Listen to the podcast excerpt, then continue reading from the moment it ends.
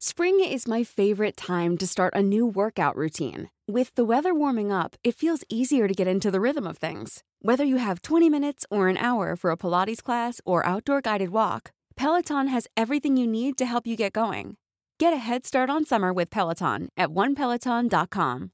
How would you like to look five years younger? In a clinical study, people that had volume added with Juvederm Voluma XC in the cheeks perceived themselves as looking five years younger at six months after treatment. Look younger, feel like you. Add volume for lift and contour in the cheeks with Juvederm Voluma XC. Reverse signs of aging by adding volume to smooth laugh lines with Juvederm Volure XC. For important safety information and to find a licensed specialist, visit juvederm.com. That's J U V E D E R M.com. Not for people with severe allergic reactions, allergies to lidocaine, or the proteins used in Juvederm. Common side effects include injection site redness, swelling, pain, tenderness, firmness, lumps, bumps, bruising, discoloration, or itching. There's a risk of unintentional injection into a blood vessel, which can cause vision abnormalities, blindness, stroke, temporary scabs, or scarring. Talk to a licensed specialist to find out if it's right for you.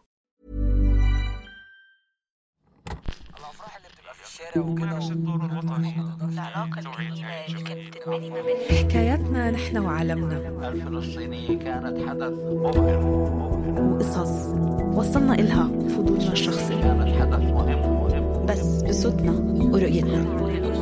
كل نواحي القصة مسافات. مسافات. مسافات برنامج مسافات. قصص يقودها الفضول. من إنتاج شبكة كيرنينج كولتشرز اليوم ده كان يوم كان يوم عادي قوي. كانت الرحلة أصلا بدأت إن دكتور هشام جات له دعوة من كلية العلوم في الوادي الجديد إن هو يدي محاضرة. ده صوت سناء السيد. هتتعرفوا عليها خلال الحلقة. بس الشخص اللي بتتكلم عنه ده هشام سلام أستاذ الحفريات الفقرية ورائد المجال ده في مصر. فالمسافة من المنصورة للوادي الجديد كبيرة 14 ساعة سواقة. فهو قال إن إحنا مش هنروح يعني ندي المحاضرة ونمشي فإحنا ندي المحاضرة وبعدين نعمل زي رحلة كده رحلة سريعة في المكان. فهو إحنا بنبص على جوجل ماب في أماكن كده فلقينا إن في طريق كده ممهد. لقوا مدقة أو طريق ما كانش موجود قبل كده وباين إن حد مهده عشان يمشي عليه. بعدين دكتور هشام قال لنا إيه المكان قدامكم أهوت قدامكم ساعة أو اتنين انتشروا ودوروا فيه. فأنا فاكرة كويس جدا إن كان دكتور هشام وسارة ماشيين بيتكلموا في حاجة وأنا لقطت لهم صورة. بعدين سارة وطت على الأرض شافت حاجة فوطت على الأرض فقالت لدكتور هشام تقريبا دي عظمة أو حاجة. فقال لا ماشي اقعدي. وأنا صورت الصورة دي برضه. سارة وهي قاعدة وبتدور فأنا حسيت إن سارة بتدور بتركيز فقمت لقطت لها صورة. فبعدين لقيت سارة ندهت على إيمان. فإيمان لما راحت لها بدأوا هما الاتنين لأ ده في حاجة. فأنا لقطت لهم صورة برضه. وبعدين قالوا لي بقى تعالي. ندهوا عليا قالوا يا سناء تعالي. فلما رحت لقيت إن في فعلا إحنا شايفين عظم كتير جنب بعضه. طلعت أنا فوق الجبل خالص في القمة يعني ولقيت التليفون بتاعي بيرن ولقيت ببص لقيت سارة صابر أسيوط مسجلها كده يعني. فرديت على التليفون قالت لي انزل حالا العظم في كل حتة.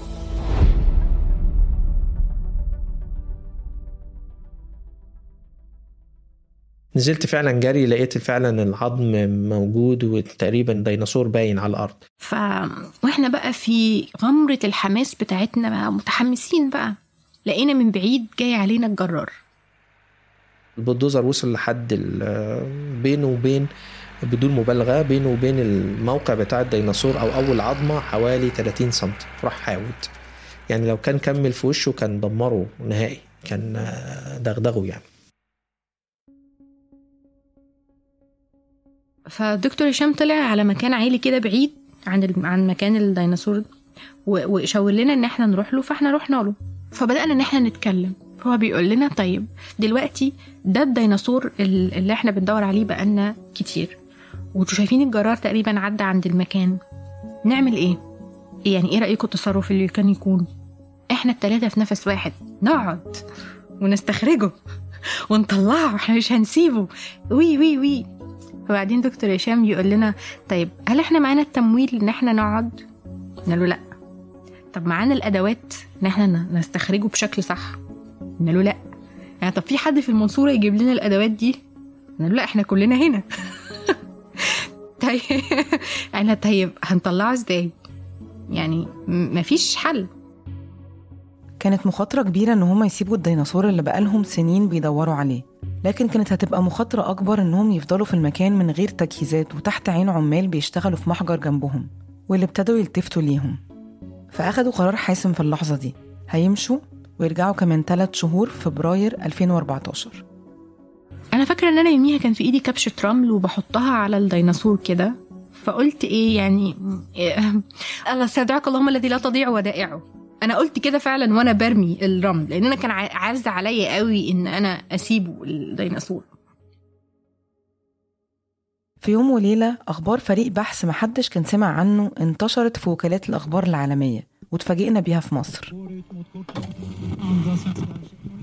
اكتشاف مصري جديد وتحديدا في صحراء مصر الغربية. يصل صداه The animals being called Mansarosaurus shahine. الذي اكتشف مؤخرا من طرف فريق من الباحثين Paleontologists are calling this the holy grail of finds. اكتشفه الفريق البحثي المكون من فتيات ومدير مركز الحفريات بجامعة المنصورة الدكتور هشام سلام. الناس دي بتروح أماكن ما فيهاش سيجنال ما فيهاش إشارة. يعني يعني تحس إن أهاليهم بي بيسلموا عليهم ويا ترى هيرجعوا ولا ما هيرجعوش؟ حلقة النهاردة عن إزاي مجموعة باحثات بقيادة دكتور هشام في جامعة إقليمية مهمشة قدروا يصعدوا للنجومية ويشقوا طريقهم في مجال مغمور وعادة حكر على الرجالة في مصر. معلش دكتورة سناء سعيدة إنه الفريق ده كان فريق فيه باحثين وباحثات. دي أول.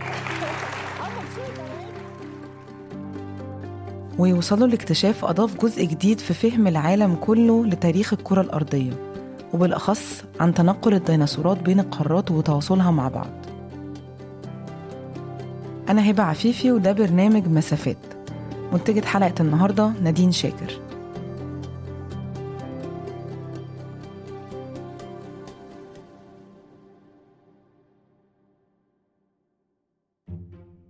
لما قابلت دكتور هشام في مكتبه في الجامعة حسيت قد إيه هو شخص حالم وشغوف وقد إيه قادر ينقل الحالة دي لكل اللي حواليه من طلبة أو زمايل أو حتى ناس زيي بتمر عليه بسرعة في حياته.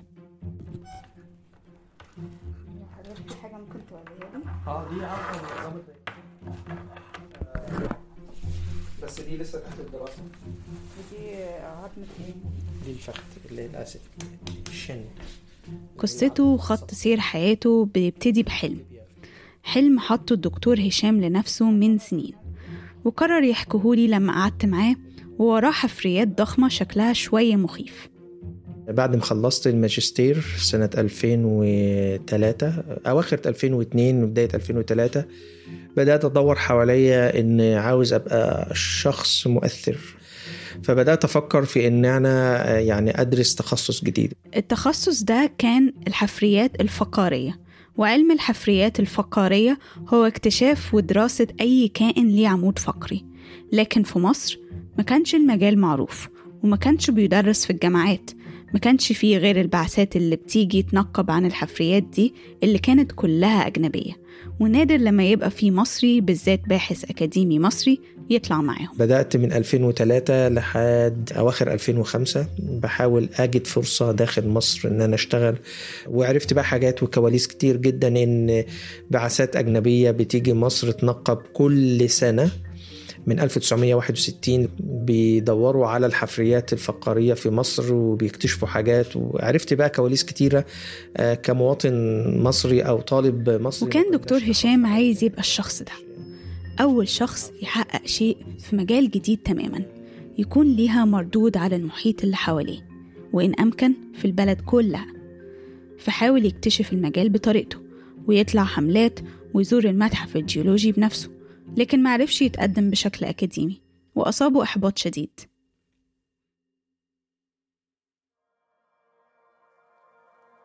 وعدوني في المتحف الجيولوجي إن هم يطلعوني مع الأجانب كحد أكاديمي لأول مرة يشتغل في الحفريات الفقاريه بعدين سحبوا وعودهم مني وبعدين آه، فأحبطت جدا لأن كنت بسافر يوميا من المنصورة للقاهرة عشان أروح المتحف وأتعلم جديد وعلى أمل إن أنا ألتحق بالبعثة دي. وفعلا آه، لدرجة إن في حد منهم آه، يعني لما قلت له أنتوا بتنادوا في كل المؤتمرات العلمية إن لازم حد من مصر يخوض التجربة دي ويبقى عندنا كوادر علمية في تخصص الحفلات الفقرية. وأنا جيت لكم وبشتغل معاكم بقالي أكتر من سنة. ودلوقتي أنتوا بتمنعوني إن أنا أطلع مع مع الأجانب. آه، بكل بساطة قام من على الكرسي الشخص اللي أنا بكلمه وطردني من المكتب اللي اتفضل اطلع بره.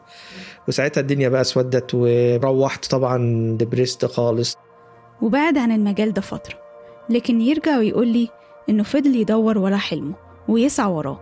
وبعد فترة جات له فرصة جات له منحة إنه يدرس بره وسافرت جامعة أكسفورد. طبعا مش عشان أكسفورد ب- كجامعة عريقة لكن عشان كان فيها حد متخصص في العلوم الحفريات الفقرية اللي من مصر اللي من مصر. وفعلا رحت هناك ورجعت بالدكتوراه كأول مصري في القرن الحالي يعني. ياخد دكتوراه في تخصص الحفلات الفقرية ورجعت بحلم كبير جدا يعني. الحلم ده جزء منه إنه ينشئ مركز في جامعة المنصورة للحفريات الفقرية. فأنشأت مركز جامعة المنصورة للحفلات الفقارية في مخيلتي يعني ما كانش حاجة اسمها فيه كده يعني كانت في دماغي بس. دكتور هشام كان عنده هدف كبير في المستقبل القريب للفريق اللي هيكونه عشان كده كان لازم يكون فريق قوي ومؤهل. الهدف كان إنهم يلاقوا ديناصور وده كان حلم كبير لأن لحد الوقت ده ما كانش حد اكتشف ديناصور كان عايش في قارة أفريقيا في الفترة اللي دكتور هشام مستهدفها اللي هي من حوالي 80 مليون سنة من دلوقتي. يعني آخر 30 مليون سنة قبل انقراض الديناصورات. كنت بدور برضو على فجوة زمنية كده في قارة أفريقيا. دي لم يكتشف منها أي كائن بري بيمشي على الأرض من قارة أفريقيا. الحقبة الزمنية دي اسمها العصر الطباشيري ولأن ما كانش فيه أي كائن مكتشف في أفريقيا من الزمن ده ما كناش نعرف أي حاجة بخصوص مسار تطور الديناصورات اللي كانت عايشة في القارة الأفريقية في الوقت ده. في نهاية عصر وجود الديناصورات لما الأرض ابتدت تمر بتغيرات مناخية وجيولوجية وجغرافية كبيرة. رغم إن قارة إفريقيا هي القارة الأم اللي انفصل عنها جميع القارات آه، اللي موجودة حاليا دلوقتي. لكن كل القارات فيها ديناصورات من الفترة دي إلا إفريقيا. لكن اكتشاف من الزمن ده كان هيحل قطع من اللغز المفقودة عن شكل الكرة الأرضية بعد ما ابتدت تنفصل عن بعض. لكنهم مش هيعرفوا ده من غير ما يكتشفوا حفرية على أرض أفريقية ويدرسوها. وبدأ دكتور هشام يسوق للحلم ده ويتكلم عليه في كل مكان عشان المدرسة دي تنجح ويبقى ليها استمرارية. قال لك قعدنا نتناقش في ست نقاط. أول حاجة ان يبقى عندنا في المدرجات قاعدة بتسمع كانت سناء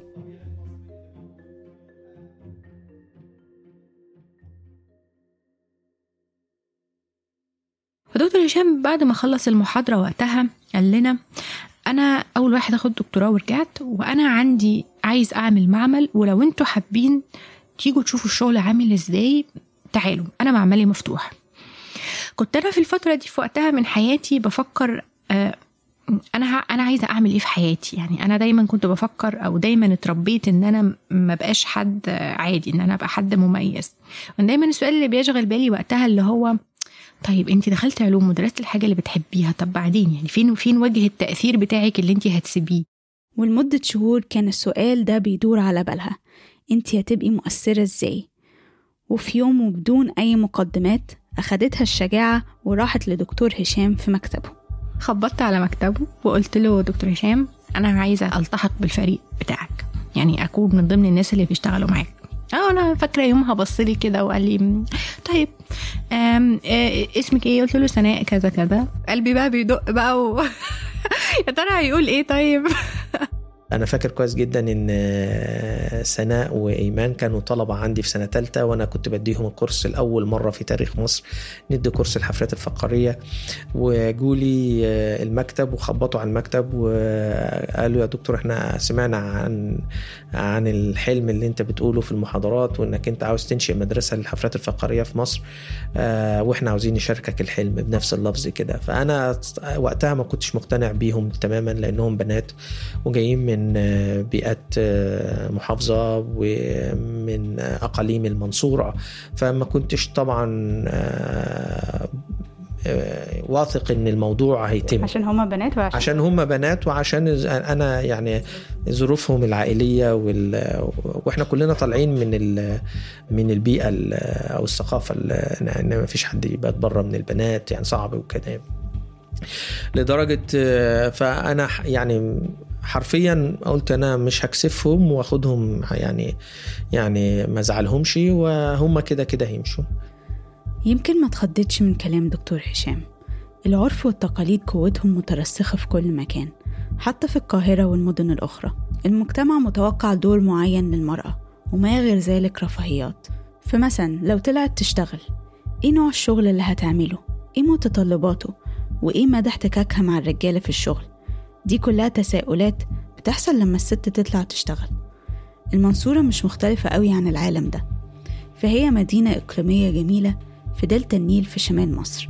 مدينة صناعية تاريخيا معروفة بعلمها وطبها وجامعتها وعادات سكانها شبه عادات أي مدينة محافظة تانية.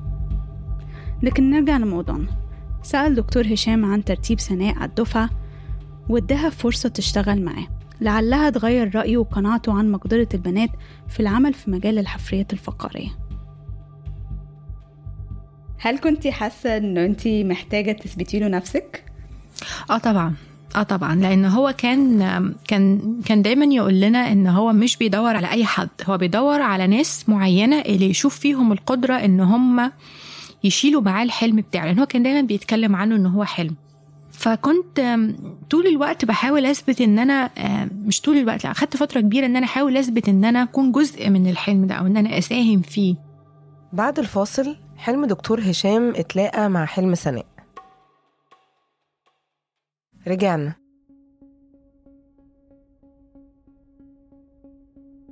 سألت دكتور هشام ليه اختار الديناصورات بالتحديد وهل كانت دايما جزء من حلمه؟ أنا ما كنتش أول واحد يشتغل على الديناصورات في في مصر. أنا مش المكتشف ال- زي ما الناس بتقول. آه، بس هقول لك على تاريخ الديناصورات عشان الموضوع فيه آه، تاريخ آه، عميق وفي أحداث تراجيدي في الموضوع. كان في سباق ما بين علماء الحفريات والبعثات من بلاد أفريقية مختلفة على مين اللي هيلاقي ديناصورات من القارة من فترة زمنية محددة. دكتور هشام في الحقيقة ما كانش أول حد اكتشف ديناصور في أفريقيا لكن أحداث عالمية مؤسفة ضيعت Life is full of what ifs. Some awesome, like what if AI could fold your laundry? And some, well, less awesome, like what if you have unexpected medical costs?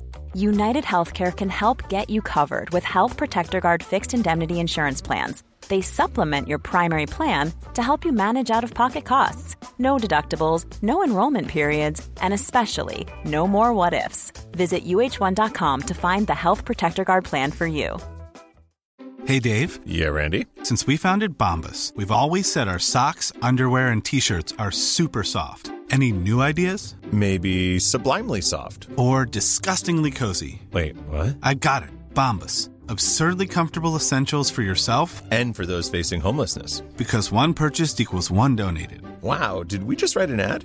Yes. Bombas. Big comfort for everyone. Go to bombas.com slash ACAST and use code ACAST for 20% off your first purchase.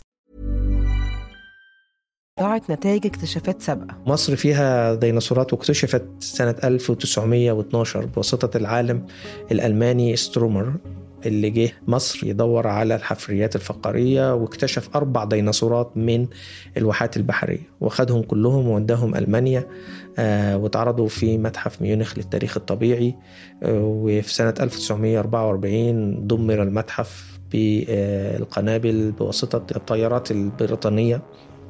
آه ولم يبقى من الديناصورات المصرية التي شافها سترومر أي حاجة خالص كله اتدمر آه للأسف.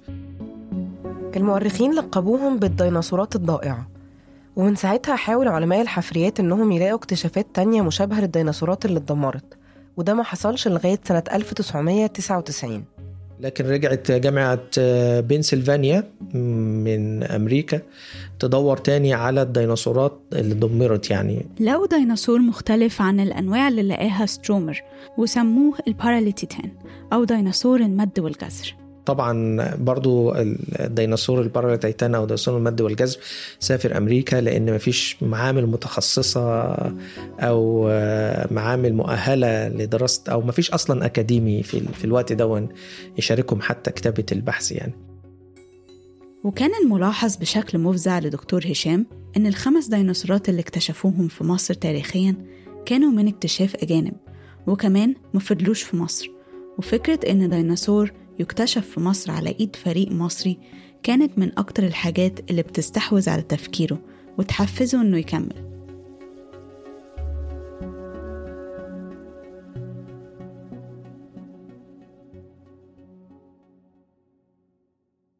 فبحثا عن الديناصور السادس في مصر عمل دكتور هشام رحلات للوادي الجديد.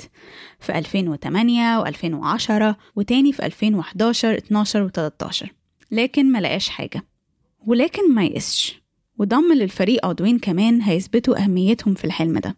وهما سارة صابر اللي شافت أول عظمة في ديناصور المنصورة واللي انضمت لفريق دكتور هشام من جامعة أسيوط عشان تشتغل على الماجستير في 2012 وبرضه إيمان الداوودي اللي كانت زميلة سناء في جامعة المنصورة. أنا لما دخلت مجال الحفريات الفقارية الصراحة ما كنتش أعرف عنها أي حاجة خالص حتى جبت ده صوت سارة. كده كده سارة عشان تروح جامعة المنصورة من أسيوط كان بيبقى قدامها سكة سفر مش أقل من تسع ساعات. لكن المعضلة الحقيقية كانت تكمن في جزء لا يتجزأ من نوع الشغل ده وهي الرحلات الاكتشافية اللي بتتاخد في الصحراء في كل أنحاء وربوع مصر اللي بتتطلب المبيت تحت ظروف قاسية جداً. أنا كل معرفتي اللي هي كانت أسيوط فلو أطلع بره حدود أسيوط فكانت يعني مجازفة. بس صراحة هم شايفين كانوا شايفين ان حابة الوضع أهلي كانوا شايفين إن أنا حابة الوضع. فخلوني كملت فيه. موضوع الرحلات بقى لما جت موضوع الرحلات دي كانت عقبة تانية. يعني إنت هنطلع رحلة بقى ونخيم في جبل وإحنا أصلا بنات ومش معانا حد. فدي كانت عقبة تانية. لما دخلت المجال الحفريات الفقرية وبقى دكتور هشام بقى يتكلم عن الرحلات وبقى ومش الرحلات وبنبات وبنقعد أسابيع وأيام وشهور. دي كانت بالنسبة لي المعضلة الأكبر. كمية الجهد اللي بيتبذل في الشغل وصعوبته دي ما كانتش قلقاني أكتر من ان أنا إزاي هقنع بابا بحاجة زي كده. كان في تصادمات كتيرة في البيت بالذات إن سناء واحدة من ضمن أربع بنات والدها كان بيخاف عليهم قوي بالذات إنه كان بيشتغل في السعودية فكان قلقه بيزيد وهو بعيد عنهم. الجزء اللي صعب الموضوع أكتر إن أنا ما كانش في بنت قبلي أشاور لهم عليها وأقول لهم أنا هعمل زي دي أو أنا هبقى زي دي. ما كانش في بنت في المجال ما كانش في حد هم يشوفوه قدامهم ناجح في نفس الفيلد بتاعي فيطمنوا شوية إن اللي أنا بعمله ده في الآخر هيجيب نتيجة. ما كانش فيه. أنا كنت بقنعهم بالعدم. أنا كنت في المعارك دي اللي بين البنات وأهلهم اللي هو تناحر الثقافات. واحدة عاوزة تشتغل في حاجة بتحبها. وطبعا يا بنتي ما ينفعش اللي انت بتعمليه ده وان تروحي في الجبل وتتمرمطي وبتاع إيه اللي جاي لك منه؟ آه وواحدة عاوزة تثبت نفسها آه وتقول إن أنا هي تقدر تعمل حاجة. وهي سعيدة إن هي بت, بت عاوزة تبقى مكتشفة. يعني كلمة المكتشف أو ده كلمة رنانة كتير من أطفالنا بيحبوا يبقوا يسمعوها. يعني بس كانت متعة العلم ومتعة الاكتشاف ومتعة المغامرة كانت بتضيف لمعان في عينيهم. واللمعان ده ظهر في عينيهم في بداية 2013 لما أخدوا رحلة لواحد باريس وبالفعل اكتشفوا عظام ديناصور وابتدوا يحفروا ويستخرجوا الديناصور. عدى يوم والتاني ورجعوا يوم الصبح عشان يكملوا الشغل ولقوا الديناصور متشال أجزاء منه. ومتفتفت ومتكسر وجنبه آثار موتوسيكل. فللأسف رحنا تاني يوم لقينا كل حاجة بقى مخلعينها من مكانها ف... فكانت صدمة يعني دي كانت صدمة بالنسبة لنا. الشخص اللي عمل كده كان فاكر إنه دكتور هشام وفريقه اكتشفوا قطع آثار وجم في غطاء الليل عشان ياخدوا الآثار المفترضة ويهربوها. إحنا حاولنا ان, إن... نساعد بعض بإن إحنا لأ ده خلاص يعني أمر ربنا وبتاع بس فعلا كلنا مصدومين لأن إحنا قعدنا حوالي تلات أربع أيام أو أكتر من كده شغالين في الحاجات دي بنعمل لها معالجات في الجبل ون... ونكشفها ونشوف امتداداتها فين وللأسف في لحظة كده يعني طبعا ساعتها كان في كمية إحباط. لما أنا حكيت لك السيناريو عن المعارك في الكواليس بين البنات وأهلهم عشان يروحوا الجبل وكده فكانت طبعا معارك صعبة جدا. فإن هم يروحوا مكان ويلاقوا ديناصور وده كان يعني حاجة كبيرة جدا. وبعدين يصحوا الصبح ما يلاقوش. الحلم ده يتبخر. ويعني ما كانتش نهاية المطاف بس أنا كنت عارف إن كل دمعة نازلة من عينيهم كانت فيها سجل من الخناقات وتمهيدا لأن هم يطلعوا حاجة زي كده وكان نفسهم يبقى يعملوا حاجة زي كده. فعشان كده في المنصورة سورس بعديها بحوالي تقريبا تسع شهور ولما لقينا المنصورة سورس ما رضيناش نبات في الفندق وقلنا هنبات في الخيام على نحرسه يعني. وده يرجعنا ليوم الاكتشاف اكتشاف ديناصور المنصورة. واتخاذ القرار الصعب إنهم يرجعوا المنصورة بسبب تجربة سيئة مروا بيها مع بعض من التدمير المقصود لحفريات كانت ممكن تبقى وتسجل من أعظم الاكتشافات واللي ما كانوش عايزين إنها تتكرر بأي شكل. فلما قرروا إنهم يمشوا ويرجعوا للمكان اللي لقوا فيه العظم كان الهدف إنهم يقيموا فيه. ويشتغلوا فيه 21 يوم على التوالي من غير ما يتوربوا ولا يتنقلوا منه. فكانت طول الطريق كنا بنتكلم بحماس زي ما بيقولوا كده حماس مشوب بالخوف إن إحنا نرجع ما نلاقيهوش. ومن أول ما رجعنا لحد ما رحنا كانت الفترة دي كلها بنجهز. يعني عارفة بنجهز من الإبرة للصاروخ زي ما بيقولوا. أي حاجة ممكن حد يتخيلها ممكن أي حد يحتاجها كنا واخدينها معانا. ده كده كنا واخدين معانا مخلل كمان في ال... في الجبل. يعني كانت كانت الحاجة الترفيهية اللي إحنا كنا واخدينها نرفه بيها عن نفسنا يعني. وفعلا جهزوا نفسهم كويس. أخدوا تمويل من جامعة المنصورة رجعوا شقوا الخيم في الموقع وبدأوا الشغل.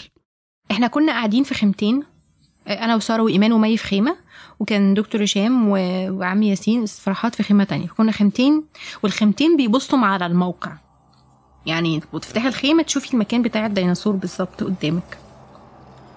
كان الموقع جنب محجر فده كان مديهم أمان لكن برضو كان مصدر خوف كبير. هم حوالينا الجرارات بتاعتهم حوالينا وهم شغالين حوالينا فشوية كانوا مدينا أمان.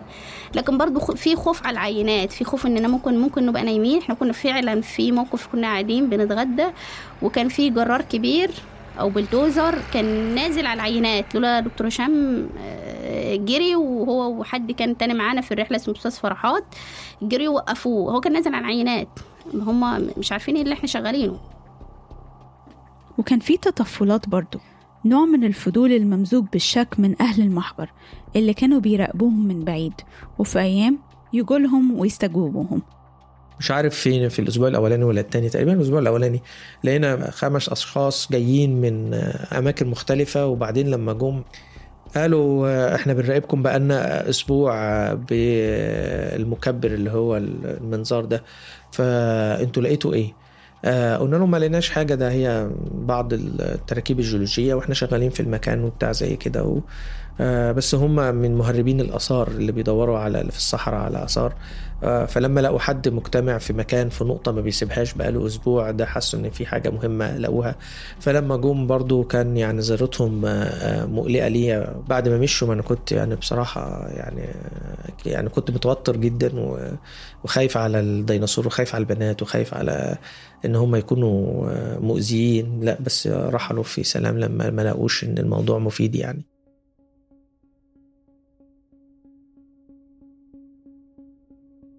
لكن بعيد عن الظروف اللي حتمت عليهم إنهم يشتغلوا في وسط ناس مش فاهمين هما بيعملوا إيه كانت المهمة اللي جايين عشانها هي استخراج الديناصور. استخراج الديناصور كان صعب كانش سهل خالص. العظام بتاعت المنصورة سورس كانت كلها قريبة جدا من بعض في الجبل فعشان تخرج واحدة بين التانية وتحافظ عليهم هما الاتنين سلام ده كان صعب جدا. والصخر نفسه اللي كان فيه المنصورة سورس كان صخر جامد. يعني إحنا لينا فيديوهات وإحنا بنخبط بال... بالشواكيش في الصخر صخر صلب. فكان في صعوبات يعني بدنيا إن هو فعلا الموضوع كان صعب شق مجهود بدني بالذات لو أنت قاعد في الصحراء 24 ساعة في ال 24 ساعة. جو الصحراء مش زي جو مش زي جو المدينة. إحنا كنا بنوقف شغل من يعني مثلا كنا آخر اتنين اول ثلاثة يعتبر الشتاء. بس إحنا كنا بنوقف شغل مثلا من 12 ل 3 لأن إحنا مش تقدرش تشتغل الجو حر جدا. لو قعدت بره هتجيلك ضربة شمس. فترة الظهر كانوا بيستغلوها في الطبيخ وإنهم يحطوا خطة لبقية اليوم. وبعد الساعة 3 يكملوا شغل وبالليل يعملوا حلقات نقاش فيها بيحددوا كل واحد هيعمل إيه. يحطوا خطوط عريضة للبحث بتاعهم ويرسموا العظم اللي لقوه أو يحكوا أي حكاوي عن يومهم.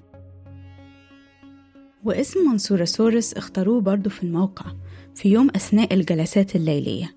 كانوا عمالين يتبادلوا أسامي كتير مضحكة لغاية ما اتفقوا على الاسم ده واسمه العلمي بالكامل منصورسورس شاهيناه. ليه مقطعين؟ الاسم الأول بمعنى ديناصور المنصورة متسمي على جامعة المنصورة والاسم التاني متسمي على شرف زوج الدكتور هشام منى شاهين.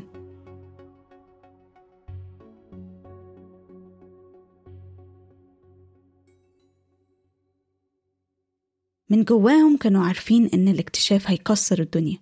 بس في اللحظة دي ما كانش حد عارف مدى حجم الاكتشاف ده لا الدولة ولا وسائل إعلام أو أساتذة وعمالقة الحفريات الفقارية ولا حتى من جامعة المنصورة نفسها اللي بالرغم إنها كانت بتساند ماديا ومعنويا بس ما كانتش مقدرة لسه حجم الاكتشاف وضافته مش بس للجامعة بس لمصر والعالم. بس من الحكاوي اللي هيفضلوا يحكوها لغاية النهاردة موقف صعب حصل في اليوم السابع. برضو يوم العاصفة ده برضو كان صعب جدا لأن هي العاصفة في الصحراء بتقوم فجأة بتبقيش آه، بدون مقدمات ممكن تلاقي العاصفة شغالة. إحنا أول لما شفنا العاصفة كان كل اللي بنفكر فيه إن إحنا نغطي المنصورة سورس فأول لما شفنا العاصفة إحنا جرينا بسرعة جدا نجيب الحاجات أنا عايزة أقول إن الرمل نفسه كان بيجرح وشنا. بس صدقيني وقتها ما كانش في حد فينا بيفكر في كده. إحنا كلنا كنا بنفكر إن إحنا لازم نثبت ال القماشة اللي إحنا حاطينها أو المشمع البلاستيك اللي إحنا حاطينه فوق المنصورة سورس علشان ما يطرش.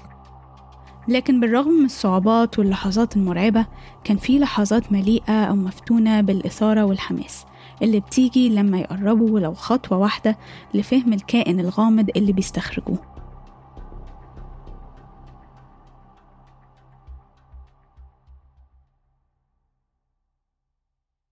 تقريبا في اليوم الثاني أو الثالث لقينا أحد أعظم ال- القطع اللي هي من من عظام الديناصور وهي الفك السفلي. من الفك؟ قدروا يعرفوا بعدين حاجات كتير عن هوية المنصورسورس فك الديناصور آه، الذي طبعا آه، هذا يعني بهذا الميل قد يبين أيضا يعني آه، العرض لهذا آه، الفك. ولكن يعني هناك تقديرات بأن منصور السورس كان حجمه لو كان حيا وموجود بعظامه ولحمه ودمه بحجم حافلة تنقل الركاب وصفوه في الإعلام بأنه طول أتوبيس مدرسة ووزن الفيل الأفريقي ما بين 4000 و 6000 كيلو حتى توصلوا لشكله وتعبيرات وشه. كمان كان عايش فين؟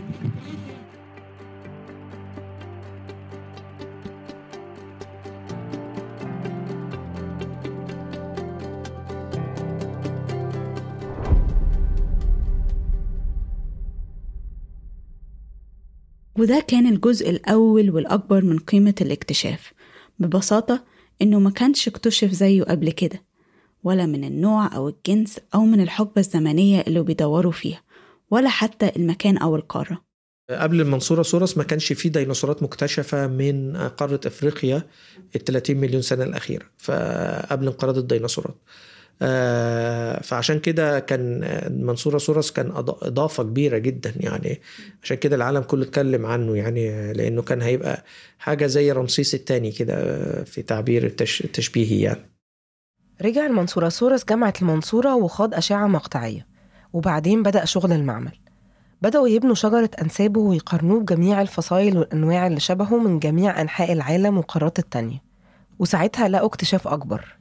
لقوا تشابه كبير ما بين الديناصورات اللي في أوروبا والمنصوراسورس واتضح إنهم من نفس المجموعة الشقيقة. يعني ولاد عم ليهم سلف مشترك أو جد أكبر واحد. تصبح كما نعرفها الآن من خلال تحليل الخصائص التشريحية للعظام.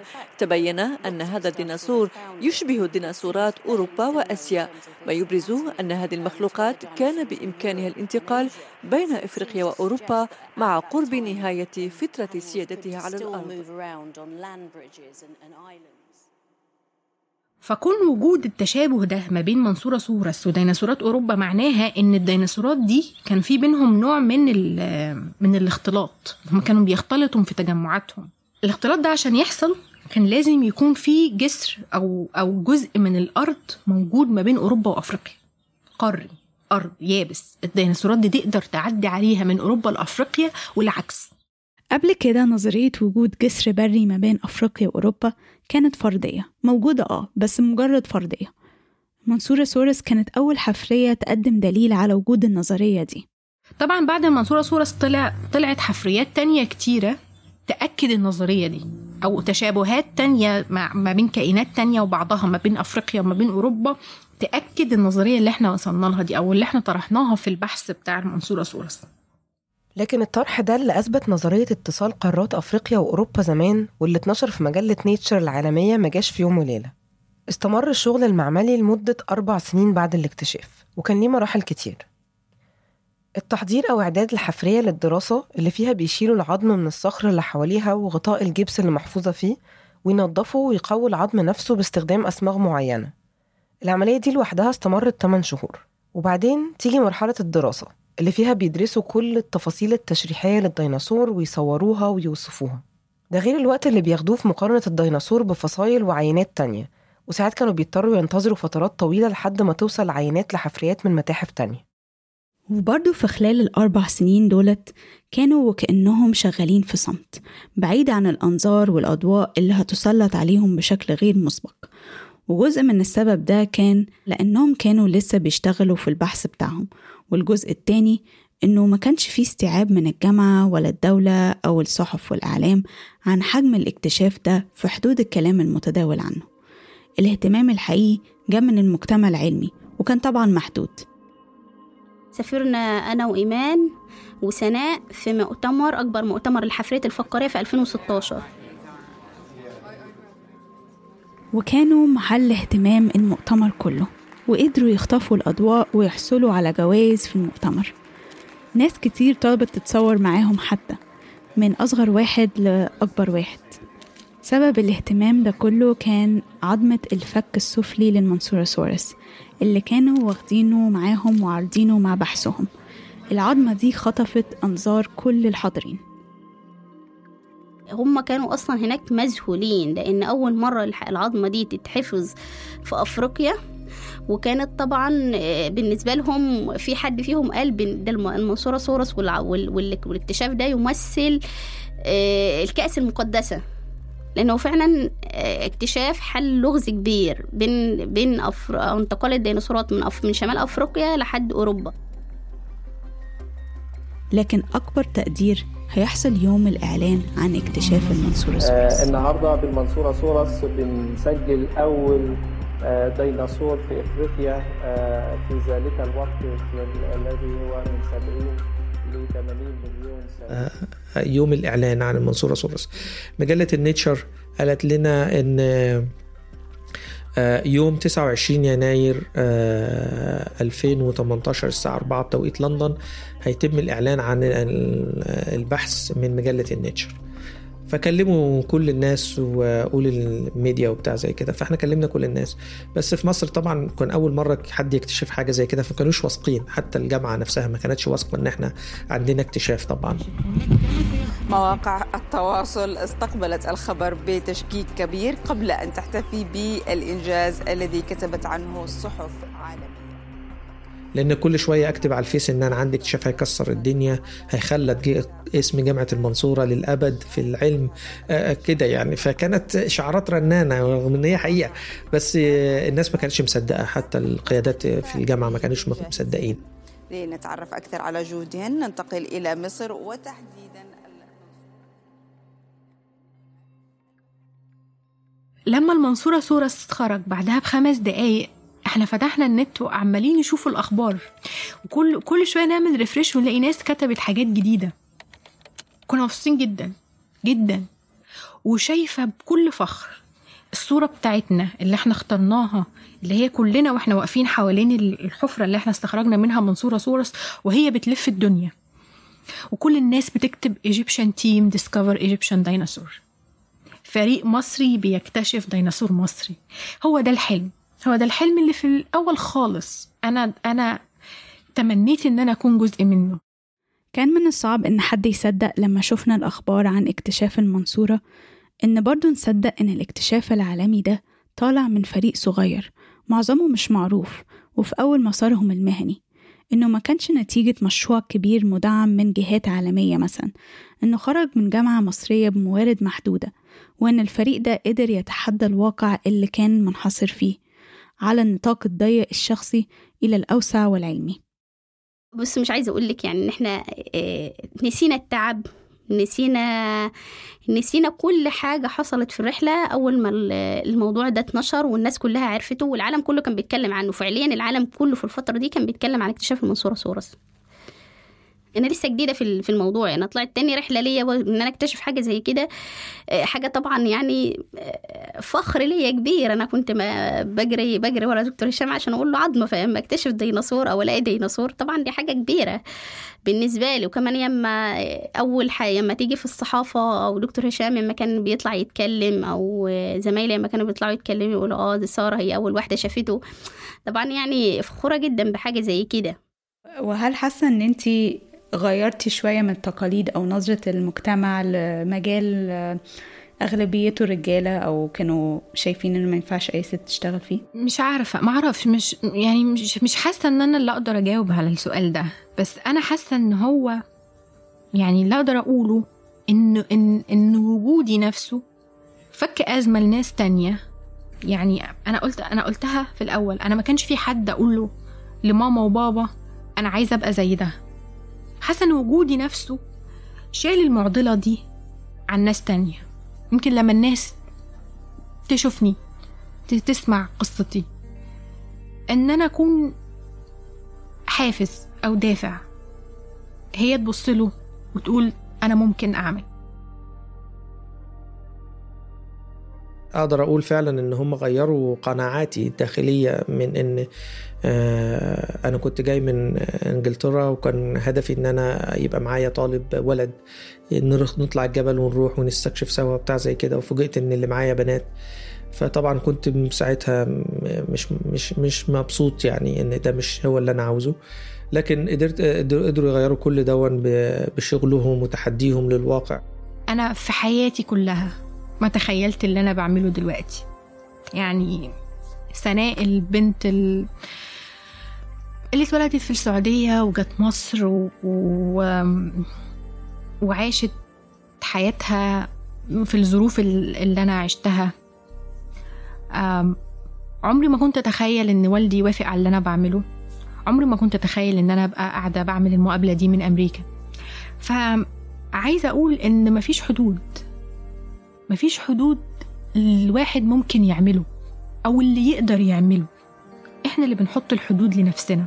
إحنا اللي بنقول لنفسنا تقدر أو ما تقدرش.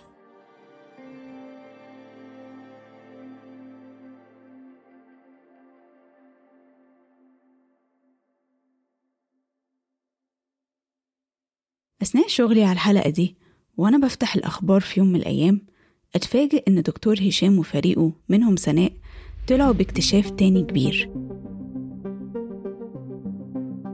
ديناصور هابيل القاتل عاش قبل حوالي 98 مليون سنة بالواحات البحرية في صحراء مصر الغربية.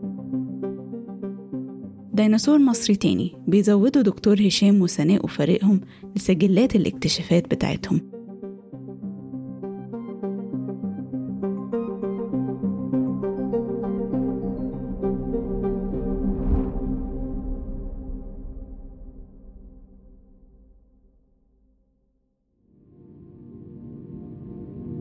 حلقة النهاردة من إنتاج نادين شاكر تحريري أنا هبة عفيفي.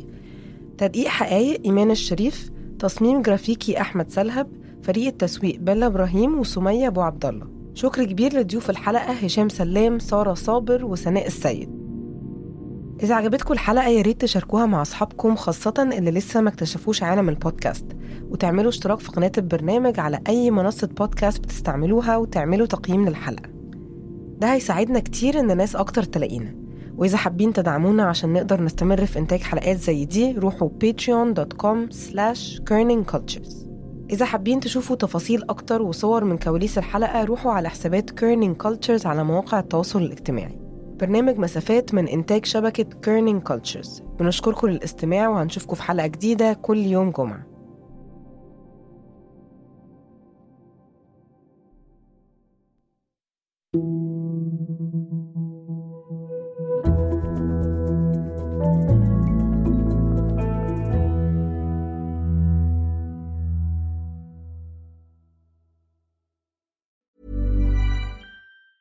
Want to get a chiseled look in the jawline? Sculpt and shape your jawline with added volume from Juvederm Volux XC. Juvederm Volux XC is an injectable gel specifically designed to be robust enough to improve moderate to severe loss of jawline definition. And it is the first and only hyaluronic acid filler approved for the jawline. Add volume to your jawline for a chiseled look with Juvederm Volux XC. For important safety information and to find a licensed specialist, visit juvederm.com.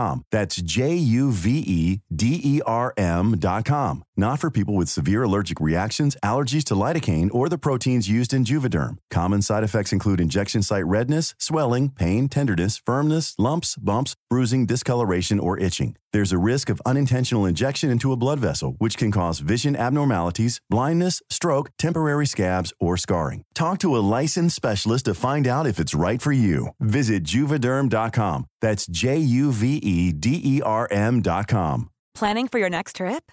Elevate your travel style with Quince. Quince has all the jet setting essentials you'll want for your next getaway, like European linen, premium luggage options, buttery soft Italian leather bags, and so much more. And is all priced at 50 to 80% less than similar brands. Plus, Quince only works with factories that use safe and ethical manufacturing practices. Pack your bags with high-quality essentials you'll be wearing for vacations to come with Quince. Go to quince.com slash pack for free shipping and 365-day returns.